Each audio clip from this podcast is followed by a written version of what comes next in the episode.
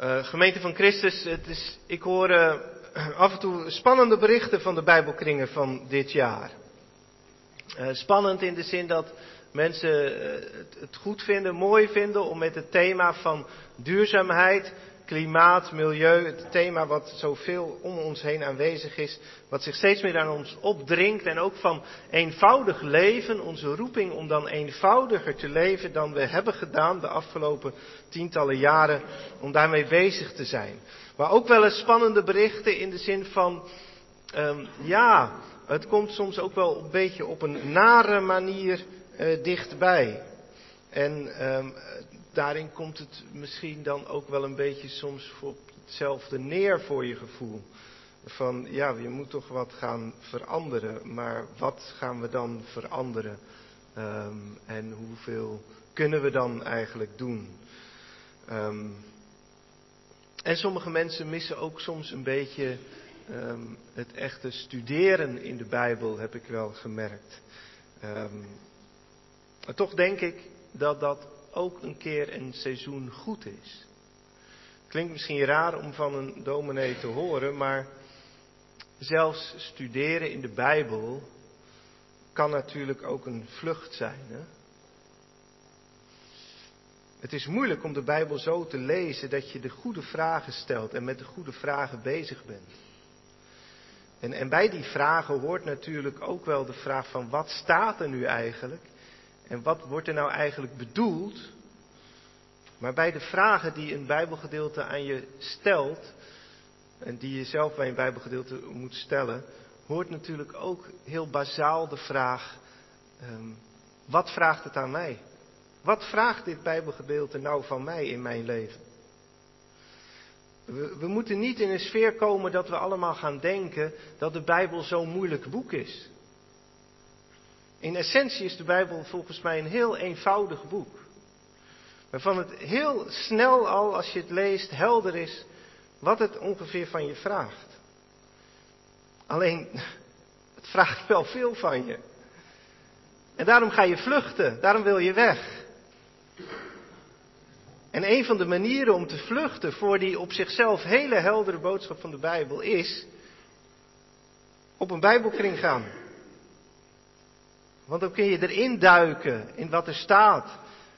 En dat is misschien zelfs dan soms een manier om van je af te houden wat de Bijbel in al zijn eenvoud eigenlijk aan je vraagt. En daarom is het ook wel een keer goed, denk ik, om een seizoen bezig te zijn met een boekje wat, wat, wat ten aanzien van de vraag van wat staat er nou, misschien niet zo diep gaat. Maar wat ten aanzien van de vraag van wat vraagt de Bijbel aan jou, wel heel, heel helder is en heel concreet. Het Sabbats- en jubeljaar wordt in dit boekje niet behandeld. En ik dacht dat is misschien een aardige aanvulling. Om van daaruit ook eens een keer naar datzelfde perspectief uh, te kijken. Naar dezelfde vraag van eenvoudiger leven en wat de Bijbel daarover zegt.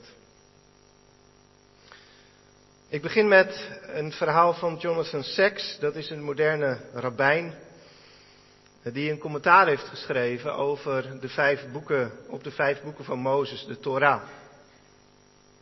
En hij vertelt bij dit gedeelte over het Sabbats- en Jubeljaar het volgende verhaal. Een verhaal over twee stammen die aan een verschillende kant van een uitgestrekt woud wonen. Ze hebben nauwelijks contact met elkaar en ze hebben elk hun eigen manier om zaken te regelen. In het noorden van het woud bevindt zich een stam waar elke familie een eigen stuk land bezit, omgeven door een hek.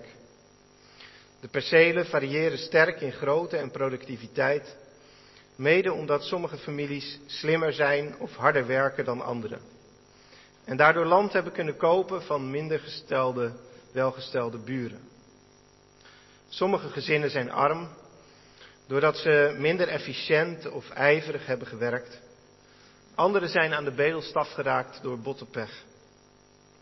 Er zijn grote verschillen in welvaart. De raad van oudsten van de stam zorgt ervoor dat de mensen hun belofte nakomen en elkaars eigendom respecteren, maar verder doen ze weinig. Het gevolg is dat sommige leden van de stam in de winter sterven door gebrek aan voedsel of warmte. Maar de stam als geheel floreert. In het zuiden van het woud woont een andere stam die de zaken heel anders regelt. De mensen daar delen hun land en veestapel, evenals de vruchten van hun werk. De raad van oudsten beheert de velden en kuddes en heeft het bijzonder druk. Er zijn vaak klachten over leden van de stam die lui of onvoorzichtig zijn en weigeren om hun deel van de gemeenschappelijke last te dragen. De meesten werken echter hard, gedreven door gemeenschapszin of uit angst voor kritiek van de buren. De stam als geheel is minder welvarend dan de stam in het noorden, maar iedereen kan overleven en er sterft nooit iemand door gebrek aan voedsel of warmte. Ik denk dat we in deze twee stammen zonder al te veel moeite de systemen herkennen die we kapitalisme en communisme zijn gaan noemen. En die lange tijd onze wereld hebben verdeeld. En dat deels nog doen. Maar lang niet meer zo sterk als toen het ijzeren gordijn er nog stond.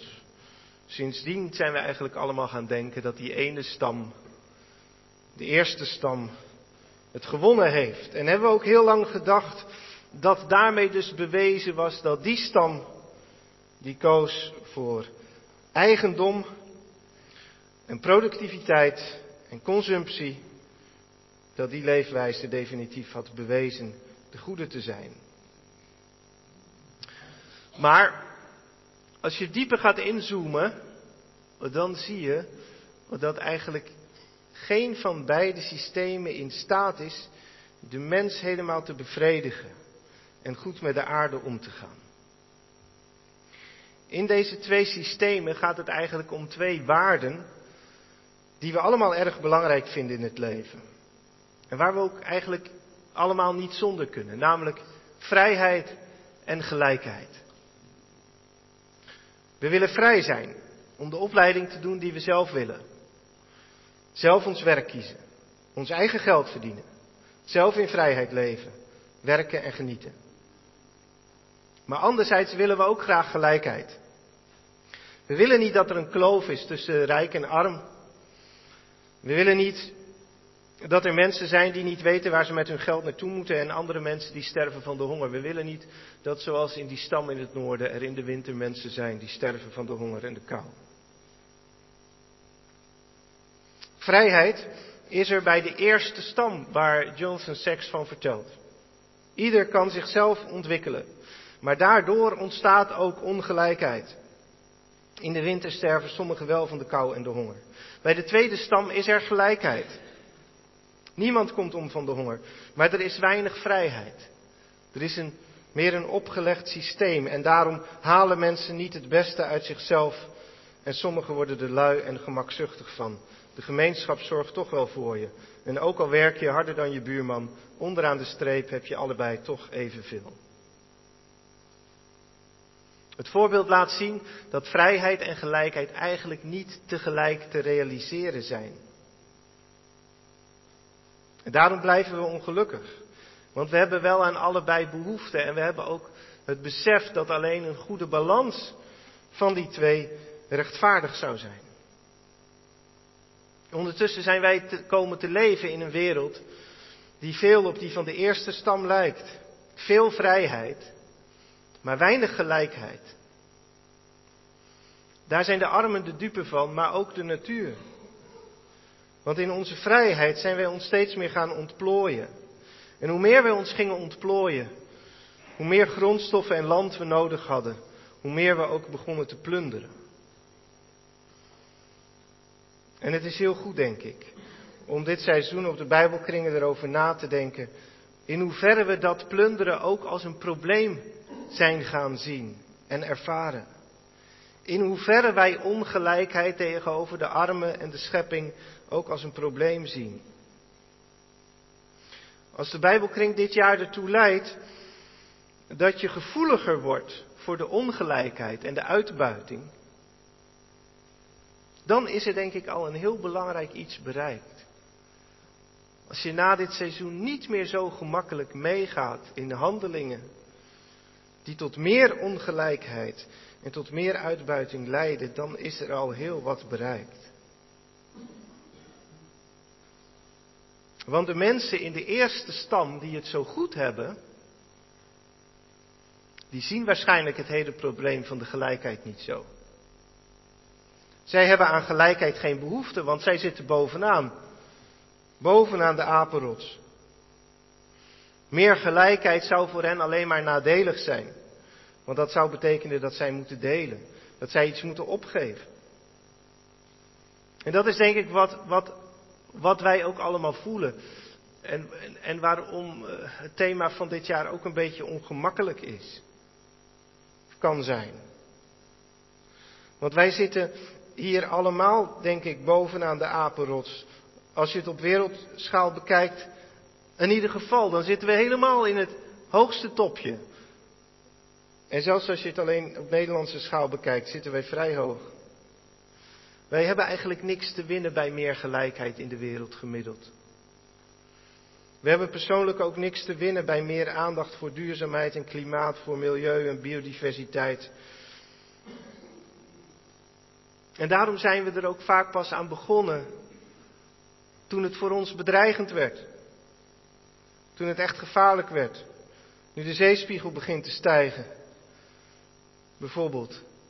En nu de temperatuur zo oploopt van de aarde, nu de aarde zoveel koorts begint te krijgen, dat we echt bang worden. Nu alles instabiel wordt. Nu beginnen we wat te doen, of in ieder geval na te denken of we wat moeten gaan doen.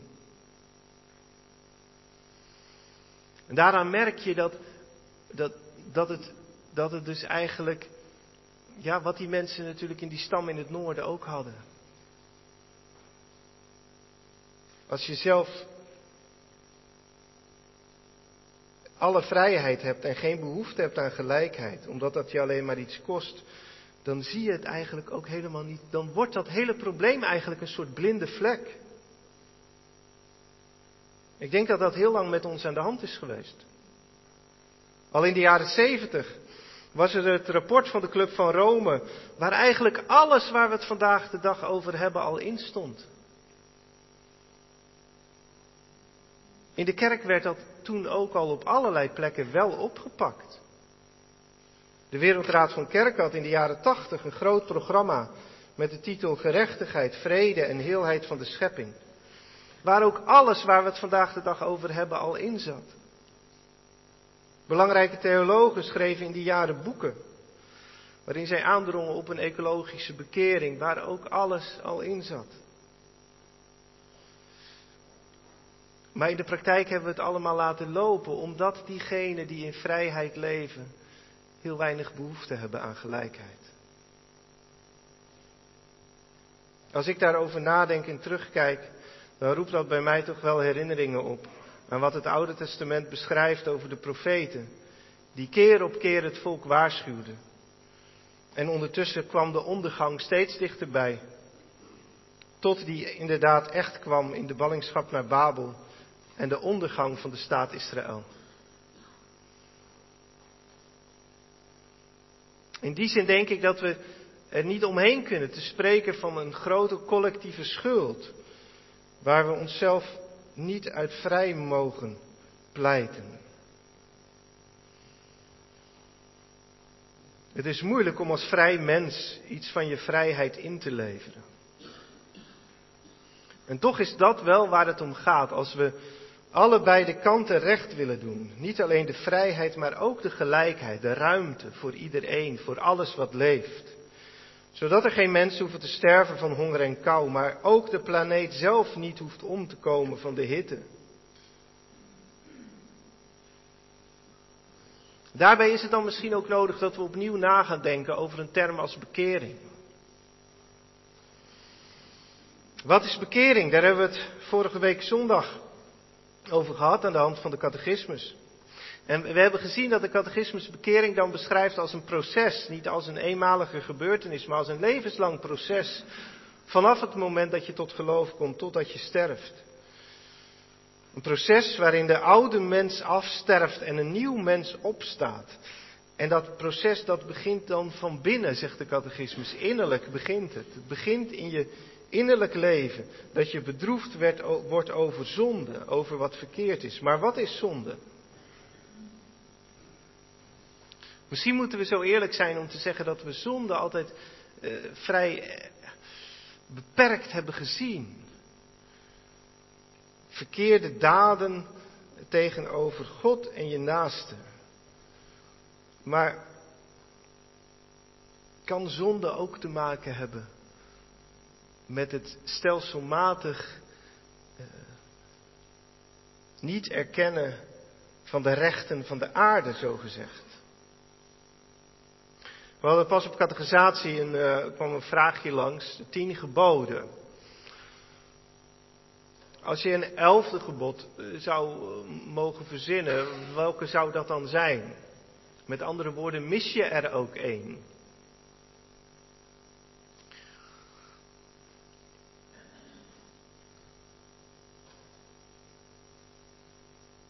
Ja, de, ben je ook opgevoed met het idee, het geleerde, dat de tien geboden eigenlijk alles afdekken, alle zonden. Maar zo kun je dat eigenlijk niet zeggen, denk ik omdat er één heel groot veld in de tien geboden eigenlijk ontbreekt, of vrijwel ontbreekt. De eerste tafel van de wet gaat over onze verhouding tot God. De tweede tafel van de wet gaat over onze verhouding tot de naaste. Maar het hele veld van dat er nog, ook nog een niet-menselijke wereld is, waar we misschien ook bepaalde plichten toe hebben, Waar, waartoe we ook kunnen zondigen, is eigenlijk in die, in die tien geboden eigenlijk ongeveer afwezig. Het zit wel in andere Bijbelse gedachten, zoals wat we vandaag hebben gelezen. Ook een wetstekst, het het jubeljaar. Het zit ook in de gedachten van het rentmeesterschap, die je ook in de Bijbel vindt. Maar in de tien geboden eigenlijk niet. En, en en met behulp daarvan is misschien ook onze blik gewoon op wat zonde is eigenlijk beperkt geraakt.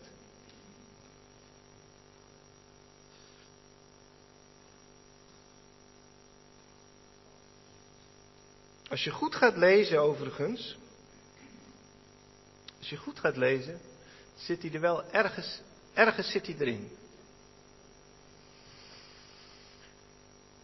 Namelijk in het gebod van de Sabbat. Het Sabbatgebod luidt, de zevende dag is de Sabbat van de Heer uw God. Dan zult u geen enkel werk doen. U, nog uw zoon, nog uw dochter, nog uw slaaf, nog uw slavin, nog uw vee. Heel aparte gedachte is dat. Maar door dat gaatje piept als het ware het hele idee van het Sabbats- en jubeljaar ook al de tien geboden binnen. Want ook de basis van het Sabbats- en jubeljaar, namelijk de Sabbat zelf, staat daar, is er ook voor het vee. De werkezel hoeft een dag in de week geen werkezel te zijn. En ook daarvoor geeft God de Sabbat. Niet alleen voor de mens, maar ook voor die arme ezel. Die hoeft één dag in de week geen werkezel te zijn, maar hij mag één dag in de week lekker poedelen, badderen, springen, grazen, dansen, vrijen, luieren, wat hij maar wil. Maar werken hoeft hij niet. Ook de ezel is een dag vrij. Het is toch geweldig dat de Bijbel 3000 jaar geleden zich al zo bekommerde om de ezel. Zo'n inlevingsvermogen in de ezel toont. Was dat nou maar altijd gebleven? Dat inlezing, inlevingsvermogen in de ezel. Wat je in de tien geboden kunt vinden. Waar is de Sabbat, met andere woorden? Waar is de Sabbat voor onze legkippen en melkkoeien, voor onze mestkalveren, voor de mestvarkens? Wat betekent het voor onze eenden, ganzen, kalkoenen en geiten, voor onze paarden, schapen, konijnen en kweekvissen, dat er een Sabbatsgebod is? Die vraag is de laatste jaren sterker op ons afgekomen. Wat doen wij de natuur, dier en plant aan en waarom? En durven wij daarin te erkennen dat er dingen zijn misgegaan? Misschien onbedoeld, maar toch dingen stelselmatig zijn misgegaan. Het is goed dat die vragen gesteld worden. En ze zijn in lijn met de schrift waar God waakt over mens en dier. En ze stellen ons ook de vraag of ons geloof dus in de zonde niet te begrensd geworden is, maar daarmee ook als geloof misschien in zijn geheel steeds weer de, in de valkuil dreigt te trappen van het geestelijke. Alsof het in het geloof ten diepste alleen maar gaat om God en de ziel. Wij hebben een ziel, een onsterfelijke ziel. En die ziel die zal voor God moeten verschijnen en dan is er een eeuwige leven of een eeuwige dood. De focus, de concentratie daarop heeft het, protestantisme, heeft de hervormde traditie een grote diepgang gegeven. Die je in veel andere tradities niet vindt. Maar zo'n sterke concentratie op God en de ziel maakt ook dat je heel makkelijk een blinde vlek krijgt voor de aarde, voor het leven, voor de verantwoordelijkheid, voor het geschapene.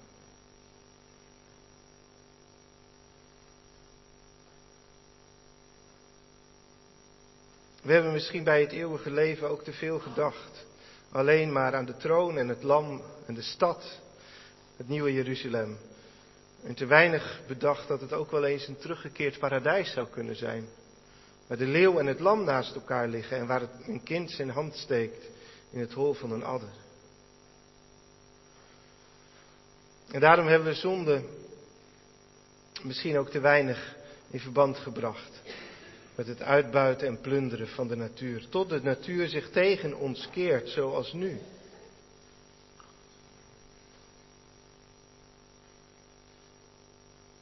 Zonder daarover in allerlei discussies te treden die je in kranten en journaals en overal kunt vinden. Denk ik dat we het toch allemaal wel beginnen door te krijgen. Ook vanuit je heel eigen ervaring hoef je eigenlijk geen rapporten voor te lezen. Maar als je in de zomer in Nederland en zelfs nog noordelijker dan Nederland hittegolven boven de 40 graden van veel te veel dagen tegenkomt, dan voelen we allemaal, de natuur begint zich tegen ons te keren.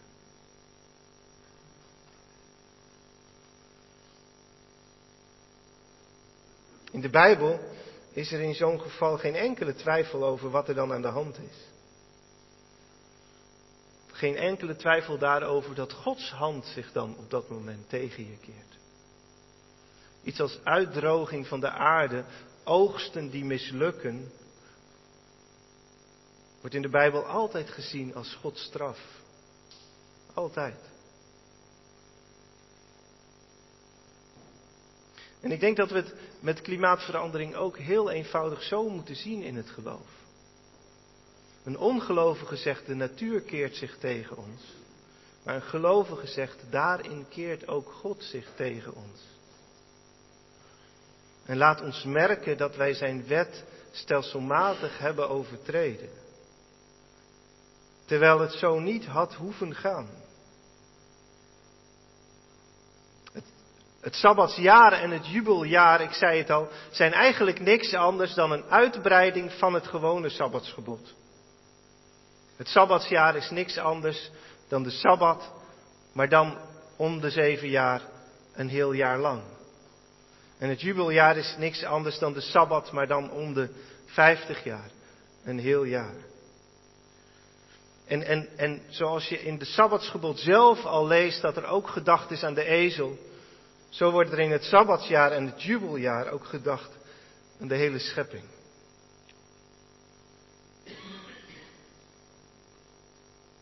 In het Sabbatsjaar moet het land rust krijgen. Het land moet braak blijven liggen. Daar zit dus een enorme begrenzing in. Eigenlijk van uitbuiting, waarin uitbuiting stelselmatig wordt voorkomen.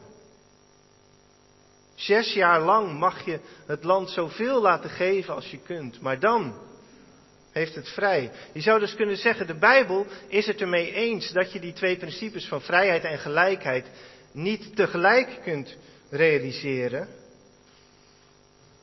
Maar de Bijbel zegt eigenlijk in dit uh, systeem van sabbatsjaar en jubeljaar dat je ze na elkaar steeds weer moet realiseren. Zes jaar lang krijgt de mens de kans om zich helemaal in vrijheid te ontplooien. Ten opzichte van de naaste mag hij zoveel concurreren als hij wil. Ten opzichte van de natuur mag hij de natuur zoveel laten opbrengen als hij wil.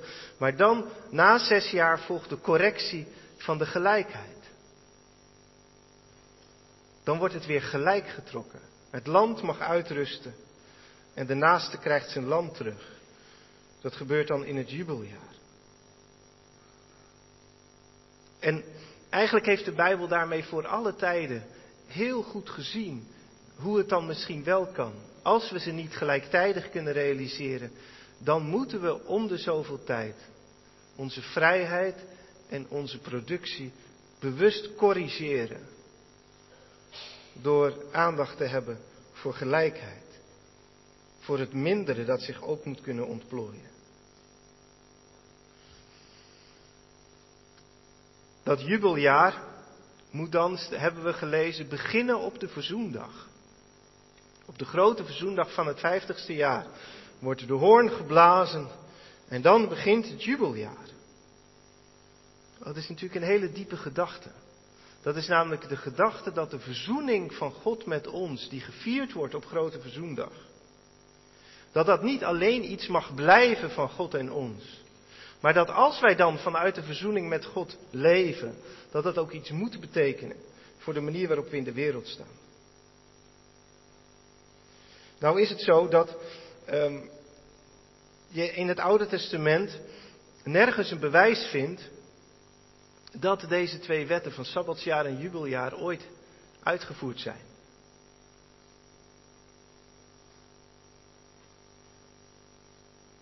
Het lijkt erop dat Israël zich eigenlijk nooit deze wetten heeft, heeft uitgevoerd. En daardoor zou bij ons de impuls kunnen ontstaan van zie je wel, af en toe overdrijft de Bijbel ook een beetje. Zo mooi kunnen we de wereld niet maken, helaas. En dan gaan we weer door op ons oude spoor. Zo gaan we ook vaak om, denk ik, met de bergreden van Jezus. Als Jezus zegt, als iemand je op je linkerwang slaat, keer hem ook de rechter toe, dan zeggen we ja. Mooi boek de Bijbel, maar je kunt niet alles letterlijk houden, hè. Maar daar zijn die teksten natuurlijk niet voor bedoeld. Ook al is het waar dat die wetten uh, van het Sabbatsjaar en het jubeljaar en ook de wetten die Jezus geeft in de bergreden, dat die nog nooit zijn ingevoerd dan nog mogen, hebben wij natuurlijk niet het recht om ze niet als ideaal, uh, om ze als ideaal naar de prullenbak te verwijzen. Op een of andere manier moeten we ons laten corrigeren door datgene wat in dit soort teksten naar ons toe komt.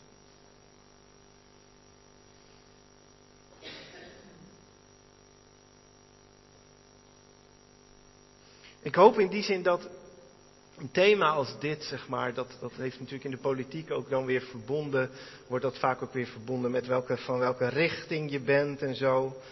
Um, linkse partijen, zogenaamd linkse partijen lopen dan voorop en zogenaamd rechtse partijen, die zijn dan wat, die lopen wat minder hard of die zijn zelfs tegen. En, en, en je ziet het al bij de ChristenUnie en de SGP dat ze er verschillend in staan. Maar als christen moeten we het juist daaraan onttrekken, denk ik, uit dat soort wereldlijke dingen. Uiteindelijk heeft het gewoon ook wel te maken met dat je je door God ook op dit punt iets laat gezeggen. Vanuit wat de schriften op ons, vanuit wat van de schriften op ons afkomt. En ook te durven de Bijbel ook een, een keer iets naar voren te halen waar we misschien echt lang overheen gelezen hebben tot onze schade. Zoals bijvoorbeeld aan dit hoofdstuk. Als je dan over nadenkt wat dat is, dan, dan zou je in vijf punten misschien kunnen samenvatten wat dit gedeelte ons, ons wil leren en wat we kunnen meenemen. In de eerste plaats bepaalt dit uh, hoofdstuk ons erbij, de aarde en haar opbrengst zijn alleen maar van God. Dat was Psalm 24 al waar we mee begonnen. De aarde en haar volheid zijn zijn koninklijk domein. Niets op aarde is van ons. Dat is ook het idee achter het jubeljaar, dat degene eh, van wie het oorspronkelijk was, dat hij het weer terugkrijgt. Want je kunt, zegt God, helemaal geen stuk grond definitief kopen. Dat kan in Israël niet, want het land is van God. Als je zo echt gaat leven vanuit dat principe, dat het, ook al heb je dat huis gekocht, heb je dat stuk grond gekocht, heb je al die bezittingen gekocht, ze zijn niet van jou, ze worden nooit van jou. Als je echt zo leeft, denk ik dat dat iets in ons gaat veranderen. Dat is één, de aarde en haar opbrengst zijn alleen maar van God. Het tweede is, wij moeten durven grenzen stellen aan onze groei. In tegenstelling tot onze uh, economie waarin het gaat om meer, meer, meer, bepaalt het Sabbats- en jubeljaar, maar ook de Sabbat zelf ons al bij een grens. Een dag, een jaar, waarin het niet gaat om groei en productie. Waarin je bewust grenzen neemt. En dat deden ze toen met dat Sabbats- en jubeljaar heel duidelijk in de tijd, maar je kunt dat natuurlijk ook anders invullen. Dat je veel meer leeft vanuit de vraag: wanneer is het genoeg? Wanneer heb ik genoeg? En genoeg is ook genoeg. Het derde punt is eh, dat het er in deze wetten om gaat de broeder, de naaste, voor knechtschap te behoeden. Hè? In die jaren van vrijheid, die zes jaren waarin de mens mag concurreren enzovoorts, eh, daarin leidt het er steeds toe, zoals ook in onze wereld, dat bepaalde mensen steeds meer krijgen en anderen steeds minder.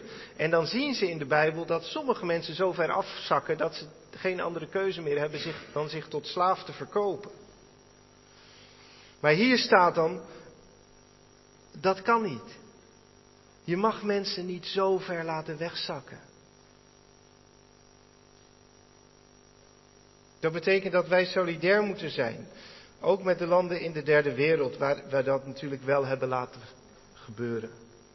Als het hier gaat over kwijtschelden van schulden, waarom kunnen wij dat nou niet?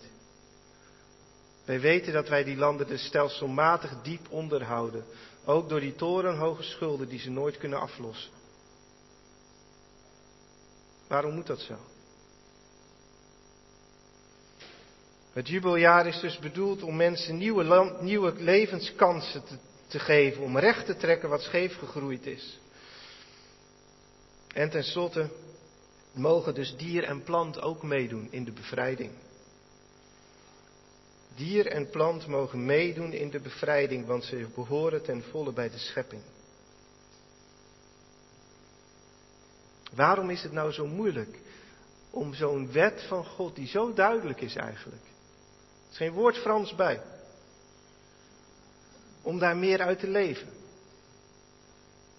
Toen ik daarover nadacht, en dat is het allerlaatste, kwam ik bij deze tekst die mij opviel, wat daartussen staat. Want die Bijbelschrijver heeft dat als het ware voorvoeld, dat wij dit niet zomaar zouden willen. En dan zegt hij, wanneer u zegt, wat moeten wij in het zevende jaar eten? Sabbatsjaar. Want we mogen niet zaaien en onze opbrengst niet inzamelen.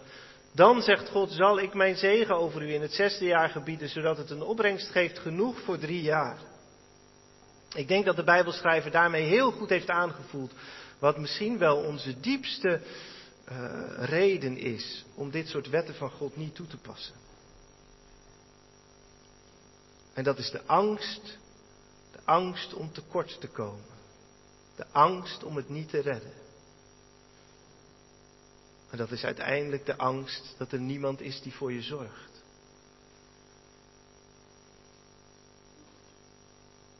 Omdat we uiteindelijk bang zijn dat er niemand is die voor ons zorgt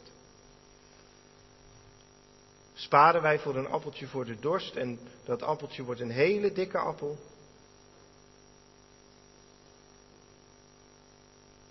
Omdat het zomaar zou kunnen zijn dat de wereld zich tegen ons keert. En dan redden wij ons niet.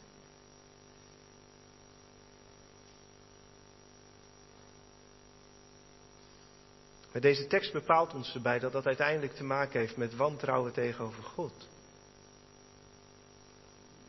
De hele Bijbel probeert ons in te prenten dat wij uit vertrouwen mogen leven.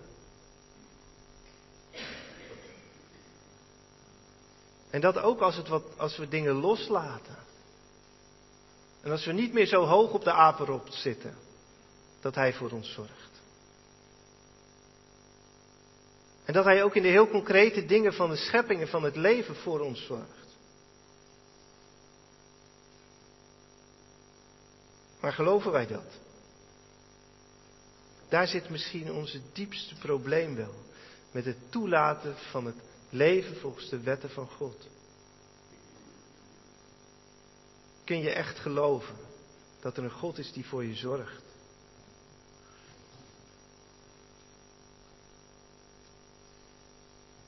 Dat je dus niet hoeft te zorgen. Dat je zelf de concurrentie de baas bent.